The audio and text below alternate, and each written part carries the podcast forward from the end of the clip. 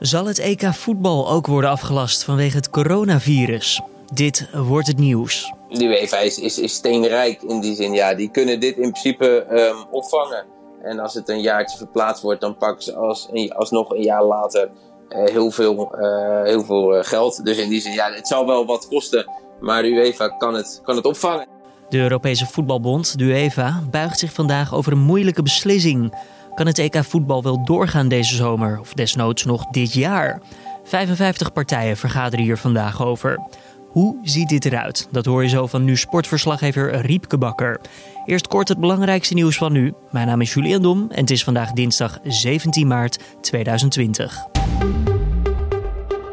De realiteit is dat het coronavirus onder ons is en voorlopig ook onder ons zal blijven. Er is geen eenvoudige of snelle uitweg uit deze zeer moeilijke situatie. Aldus premier Rutte gisteravond in een speciaal ingelaste toespraak aan het land. Een groot deel van de Nederlandse bevolking zal besmet raken met het virus, voegde hij er nog aan toe. De maatregelen die elkaar in de afgelopen tijd in rap tempo opvolgen, omschrijft de premier als ongekend voor landen in vredestijd. Verder legde Rutte uit hoe Nederland het virus te lijf zal gaan. Zolang er geen vaccin is, moet er gecontroleerde groepsimmuniteit worden opgebouwd. Dat kan echter maanden of zelfs langer duren voordat we op dat punt zijn.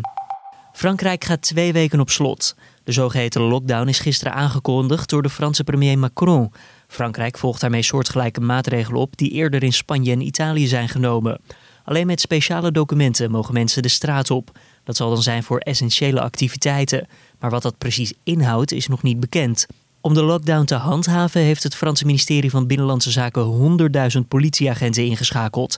Ook worden er checkpoints opgezet in het land en zal het leger helpen waar nodig. Macron maakte gisteren meer nieuws bekend. Zo sluiten de buitengrenzen van het Schengengebied vanaf vandaag om 12 uur s middags. Voor zeker 30 dagen is dat het geval. De Schengenlanden vormen samen een groot deel van de Europese Unie, waaronder Nederland. Het besluit om de grenzen te sluiten is maandag genomen in overleg met andere lidstaten, al dus de Franse president. Over de binnengrenzen van de Schengenlanden zei Macron niets. Een deel van de Schengenlanden heeft echter de binnengrenzen al gesloten, zoals Tsjechië, Polen, Slowakije en delen van Duitsland. Nederlandse ziekenhuizen zetten zich schrap voor een golf aan coronaviruspatiënten. Vooralsnog is de situatie dankzij het schrappen van niet spoedeisende ingrepen onder controle. Geblesseerde sporters die bijvoorbeeld op een knieoperatie wachten, kunnen die voorlopig wel eventjes vergeten. Wat er als gevolg van de uitbraak van het COVID-19-virus nog gaat komen, weet niemand precies. Maar ziekenhuizen willen zich niet laten verrassen. Op veel plaatsen is daarom al ruimte gemaakt voor extra bedden op de intensive care. In Brazilië zijn honderden gevangenen uit vier verschillende gevangenissen gebroken. Dat melden lokale autoriteiten en media. De uitbraken komen een dag voordat de verlofregelingen worden opgeschort in verband met de uitbraak van het coronavirus. Het verlof werd opgegeven omdat 34.000 gevangenen tijdelijk buiten zouden komen en bij terugkomst mogelijk een groot gezondheidsrisico zouden vormen. Dan het gesprek van deze ochtend in de Dit wordt het nieuws podcast. De UEFA, dat is de Europese Voetbalbond, die bespreekt vandaag hoe om te gaan met de coronacrisis en het EK voetbal. De nationale bonden, de clubs, de competities en de spelersvakbond zullen vandaag tijdens een conference call de huidige situatie bespreken en kijken wat het wordt. Gewoon spelen, uitstellen of aflassen. Hoe dit precies in zijn werk zal gaan hoor je van nu sportverslaggever Riepke Bakker in gesprek met mijn collega Carne van den Brink. Nou, dat wordt, uh, dat wordt een stukje etendiscipline denk ik. Hè? Want ik vind dit al gedoe. Wij zijn ook getroffen door het coronavirus. Normaal zouden wij gezellig in de studio tegenover elkaar zitten. Ik zit nu in een zolderkamer in Leiderdorp. Ik weet niet waar jij zit. Ik zit in mijn, uh, ja, in mijn slaapkamer in Hoofddorp. Ja, ja, ja dit, het wordt ongeveer dit. Nou goed, zij zien elkaar dan wel, hebben een schermpje erbij. Maar dan hebben ze uh, 55 bij de UEFA aangesloten bonden. Dus in totaal ben je met, met, met de voorzitter van de UEFA erbij. Met 56 mensen op schermen. Nou ja, dat is uh, vrij vervelend discussiëren, denk ik zo, met zo'n enorme groep. Uh, als iedereen zijn zegje doet. Als je de voorstelronde hebt gedaan, Nee, dan is het al bijna avondeten. Dus uh, het wordt lastig. Dan wil je weer even rust inderdaad hebben. Want ja, het gaat natuurlijk over wat, wat te doen met het EK voetbal. Moet het uitgesteld worden? Kan het op, op het moment waar die nu staat in de agenda gewoon doorgaan? Of moeten we er een hele streep door zetten? Als sportliefhebber, wat jij bent, en velen met jou, is dit zo'n dag waarvan je hoopt dat er goed nieuws komt? Dat het gewoon op een of andere manier toch door kan gaan dit jaar? Nou, dat, dat heb ik eigenlijk al uit mijn hoofd gezet. kijk, het is, het is, uh, om het persoonlijk te maken, is het natuurlijk ook, ja, het wordt mijn eerste grote eindtoernooi als verslaggever. In 2014, het WK, zat ik nog uh, achter het bureau in, in Hoofddorp. En was een collega in Brazilië. Nou, we hebben twee eindtoernooien gemist, dus we hunkeren er, hunkeren er allemaal, en ik ook, enorm naar, na al die jaren oranje weer op een eindtoernooi. Alleen, als ik heel eerlijk ben, heb ik geen hoop of zou ik het heel dom vinden als ze nu zouden zeggen 12 juni, want dat is de dag dat er afgetrapt wordt in, uh, in Rome uh, oorspronkelijk. Uh, dat ze dan zeggen, nou, we gaan gewoon 12 juni het EK organiseren. Want ja, als je naar de coronacrisis kijkt, is het eigenlijk het, ondenkbaar dat je dan gewoon een toernooi zou kunnen spelen in volle stadions. Want dat is ook wel belangrijk bij een, bij een voetbaltoernooi. Het is een ondenkbaar scenario, maar, maar wordt daar wel nog rekening mee gehouden? Is dat iets wat nu nog wel de rond gaat? Ja, kijk, je hebt eigenlijk uh, vier scenario's, denk ik, als je, als je, als je reëel bent. Nou ja, scenario 1 is doorgaan en we beginnen gewoon op 12 juni. Nou, daar zitten een heleboel haken en ogen aan. Dat is al over 87 dagen. Uh, het probleem is, op dit moment voetballen we niet. Uh, er is ook nog niet echt heel veel duidelijkheid van wanneer gaan we weer voetballen. Dus het wordt heel lastig, eigenlijk praktisch onmogelijk, om de competities voor die tijd af te ronden. Om de Champions League en de Europa League voor die tijd af te ronden. Um, en het is natuurlijk ook gewoon zo dat dat hele coronavirus nog ontzettend onduidelijk is. Dus ja, de kans dat we echt een EK zouden kunnen hebben zoals je dat wil, in volle stadions en met nou ja, mensen die buiten op grote schermen kunnen kijken. Mhm. Ik zie dat niet over 87 dagen gebeuren. En ze kunnen ook helemaal niet beslissen van uh, eigenlijk van ja, dat, dat, daar gaan we nu volop inzetten. Want de kans dat het doorgaat, is, uh, is eigenlijk heel klein als je alle onzekerheid bij het coronavirus uh, nou, ja, dan, dan moeten we gewoon goed kijken naar, uh, zou uitstel een mogelijkheid zijn? Is dat een scenario of zijn dat meerdere scenario's? Um, ja, eigenlijk heb je, nou ja, we hebben scenario 1 nu gehad. Dat is, het gaat door op 12 juni, wordt er gewoon afgetrapt. Lijkt me lastig. scenario is ook dat het helemaal geschrapt wordt. Mm -hmm, mm -hmm. Zie ik niet zo snel gebeuren, want ja, dit is een droom één keer in de vier jaar een EK of zo. Het is een droom van elke voetballer. Er zit heel veel geld in. Dus het is een enorm commercieel uh, circus. Het moet doorgaan. Het is ook nog nooit niet doorgegaan. Hè. Sinds 1960 is er nooit een EK afgelast. WK wel. Maar dat was omdat er een Tweede Wereldoorlog aan de gang was. Ja, dan is het, uh, was het wat lastig voetballen. Maar um, ja, schrappen zie ik dus ook eigenlijk niet gebeuren. Ja, en dan zijn er weer twee scenario's. Namelijk de winter van de komende winter, dus de winter, uh, ja, wat zullen we zeggen, december 2020, Mhm. een toernooi spelen. Of het helemaal een jaar verschuiven in de zomer van 2021 pas. Jeetje, dat is, maar dan heb je dat de kerstboom uh, in de woonkamer staat en dan kijk jij naar, uh, wat zal het zijn, Portugal tegen Engeland. Ja, ja volgens de, de Telegraph, dat is, een van de, dat is de, een van de grootste Britse kranten, is dat echt wel degelijk een reële optie uh, volgens de UEFA om het inderdaad in de winter te doen. Wat daarvan uh, het nadeel is, is, nou ja, het is vrij koud in de winter. Nou ja, ploegen moeten toch een maand op trainingskamp. In, we spelen in twaalf verschillende landen, of in twaalf verschillende steden. Dus je zit in Kopenhagen, München, Amsterdam, Londen, Dublin. Dus dat is uh, allemaal niet heel prettig. Uh, ten tweede is het een enorm gedoe, want de hele competitie, uh, de Europese competitie, moet weer compleet worden stilgelegd in het voetbal. maar wat dan wel weer een voordeel is, is over het algemeen is december een redelijk luwe sportmaand. Dus de volle focus kan wel uh, ja, op dat EK.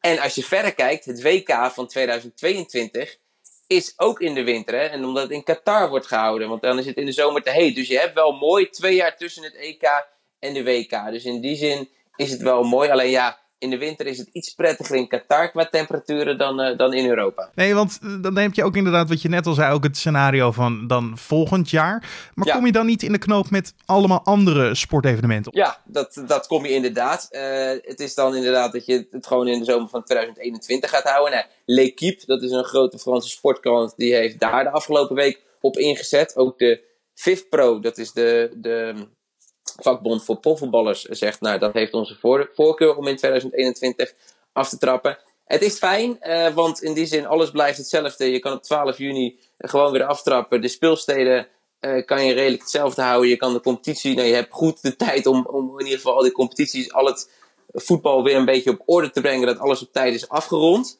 Grote nadeel hiervan is inderdaad, nou ja, er stonden al evenementen gepland. Mhm. Namelijk bijvoorbeeld het WK Vrouwen, het, e sorry, het EK Vrouwen is ook in de zomer van 2021. Zou je wel weer een jaartje kunnen uitstellen ook. Dus dan naar, het, naar 2022. Want het WK voor mannen wordt dan in de winter gespeeld. Dus is er mooi in de zomerruimte. maar ook bijvoorbeeld het WK voor clubteams. Dat is een enorm prestigeobject van de FIFA. Waar dan voor het eerst, even kijken, vier Europese clubs aan gaan meedoen. Waar echt heel veel clubs aan mee gaan doen daar wordt redelijk wat geld in gepompt door de FIFA. Dat zou dan wel plaats moeten maken. Maar als je die twee toernooien tegen elkaar afzet, hè, het WK voor clubteams of het EK voetbal, nou ja, dan, dan is dat EK voetbal wel veel groter. En ja, dan moet het WK voor clubteams gewoon uh, worden geschrapt. Nou, vier scenario's dus, waarvan er eigenlijk zogezegd drie um, nou, haalbaar lijken. Ik denk dat dit jaar op die 12 juni, uh, waar het nu op gepland staat, dat gaat heel krap worden. Met alle nieuwsvoorzieningen die we nu hebben. Ja, mag ik ook nog, e- ook, ook nog trouwens, omdat mhm.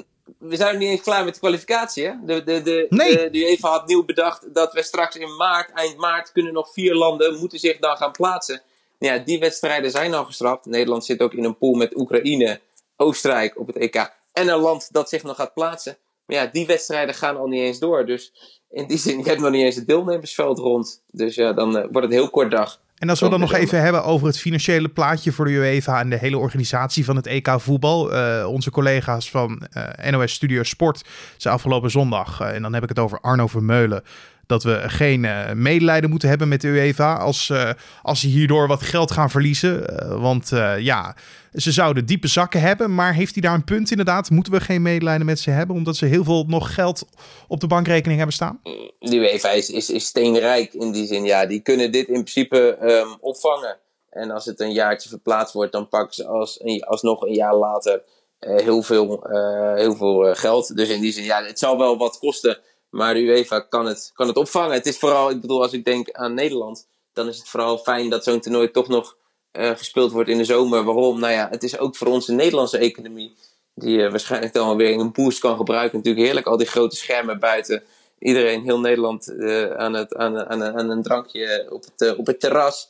Dus de Nederlandse economie is er ook wel van afhankelijk dat het in de zomer wordt gespeeld. Dus in die zin zou je zeggen, ja, voor ons ook ideaal 2021. En natuurlijk, Memphis, uh, Bergwijn, ja. Malen zijn allemaal geblesseerd. Die hebben dan ook rustig de tijd om weer, uh, om weer helemaal fit te worden. Ja, de, maar laten we hopen sowieso dat iedereen dan fit is. Los van alle sporters. Maar dat iedere Nederlander en iedere wereldburger gewoon dan weer topfit is. Nou, los zou, van de sportkwaliteiten. Ja, los van de blessures is het ook weer fijn als we gewoon... nou, ben je inmiddels heel blij als je gewoon vrolijk over straat kan lopen zonder zorgen. Ik wou net zeggen. Uh, nog even een afsluitende vraag die ik heel leuk vind. Omdat ja, heel veel mensen moeten het nu zonder voetbal doen. Dus daar ga je zoeken naar alternatieven. Misschien ga je terugkijken naar, uh, naar oude topwedstrijden. Op het EK bijvoorbeeld. Het Europese voetbalkampioenschap. Uh, als ik nu YouTube ga openen en even een klassieker erbij zou moeten pakken. Welke raad je dan aan voor de komende tijd? Dan wil ik uiteraard kiezen voor een EK-wedstrijd. Want het, ja, we hebben het over een EK. Ja, en dan is natuurlijk de moeder aller EK-wedstrijden 1988, de halve finale Nederland-West-Duitsland. Ja, waarom? Uh, we wonnen met 2-1. Dus dat sentiment bij een generatie die keek vanwege ja, de oorlog. Hè. Er, hing, uh, er hing een spandoek, oma, we hebben uw fiets teruggevonden. Het zat allemaal nog, dat sentiment bij de oudere generatie. En bij de iets jongere generatie zat daarin het sentiment dat we 14 jaar eerder de WK-finale van 1974 hadden verloren van West-Duitsland. Alles kwam samen, die revanche op de Duitsers kwam samen in die ene wedstrijd. En dan ook nog op zijn Duits. De laatste minuut Marco van Basten, ja, ik verklap het maar vast, die hem gaat binnenschieten in de 89 minuut. En Nederland dat 2-1 wint en daarna ook nog de eerste prijs pakt. Dus ja, Hamburg, EK-finale 1988. Kijk die maar even terug. Van Basten, dit de beslissing? Ja!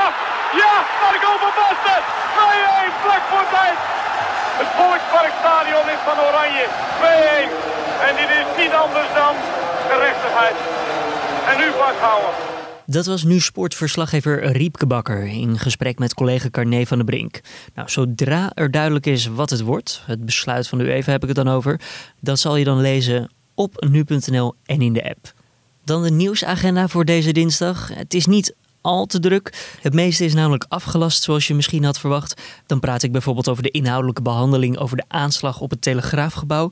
Het zou tien dagen in totaal duren, vandaag het requisitoire, maar dat gaat niet door. Dan vinden er nog democratische voorverkiezingen plaats in de Verenigde Staten. In Arizona, Florida, Illinois en Ohio wordt er gestemd. Al gaan er berichten dat de stembussen eerder dicht zullen gaan in Ohio om de verspreiding van het coronavirus tegen te gaan. Daarover natuurlijk ook meer op nu.nl. Dan het weer voor deze dinsdag. Het blijft droog en de zon die breekt door in het zuiden. De temperatuur die stijgt tot 15 graden en er waait een zwakke tot matige zuidwestenwind die aan zee nog vrij krachtig kan worden. Om af te sluiten nog iets positiefs. Tom Hanks en zijn vrouw Rita Wilson zijn namelijk ontslagen uit het ziekenhuis in Australië. Daar bracht het stel de laatste dagen noodgedwongen door omdat ze besmet waren met het coronavirus. De twee werden daar in isolatie geplaatst. Hanks en zijn vrouw hebben nu het ziekenhuis in Queensland verlaten en mogen herstellen in hun eigen huis. Dat is vijf dagen nadat ze positief werden getest op het coronavirus. Volgens de autoriteiten in Australië hebben de twee het virus opgelopen in hun thuisland, de Verenigde Staten, of tijdens hun race van de VS richting Australië. Dit was dan de Dit Wordt Het Nieuws ochtendpodcast. Vanmiddag is mijn collega Carné terug met de middageditie. Die zal ergens tussen 4 en 5 online komen. Tips of feedback voor de uitzending kan je mailen zoals gewoonlijk naar podcast.nu.nl. Abonneer je verder ook op deze afleveringen. Dat doe je via je eigen favoriete podcast app. Zo help je ons makkelijker vindbaar te krijgen voor de mensen die nog niet luisteren. Ik wens je voor nu een fijne en gezonde dinsdag en tot vanmiddag bij mijn collega Carné.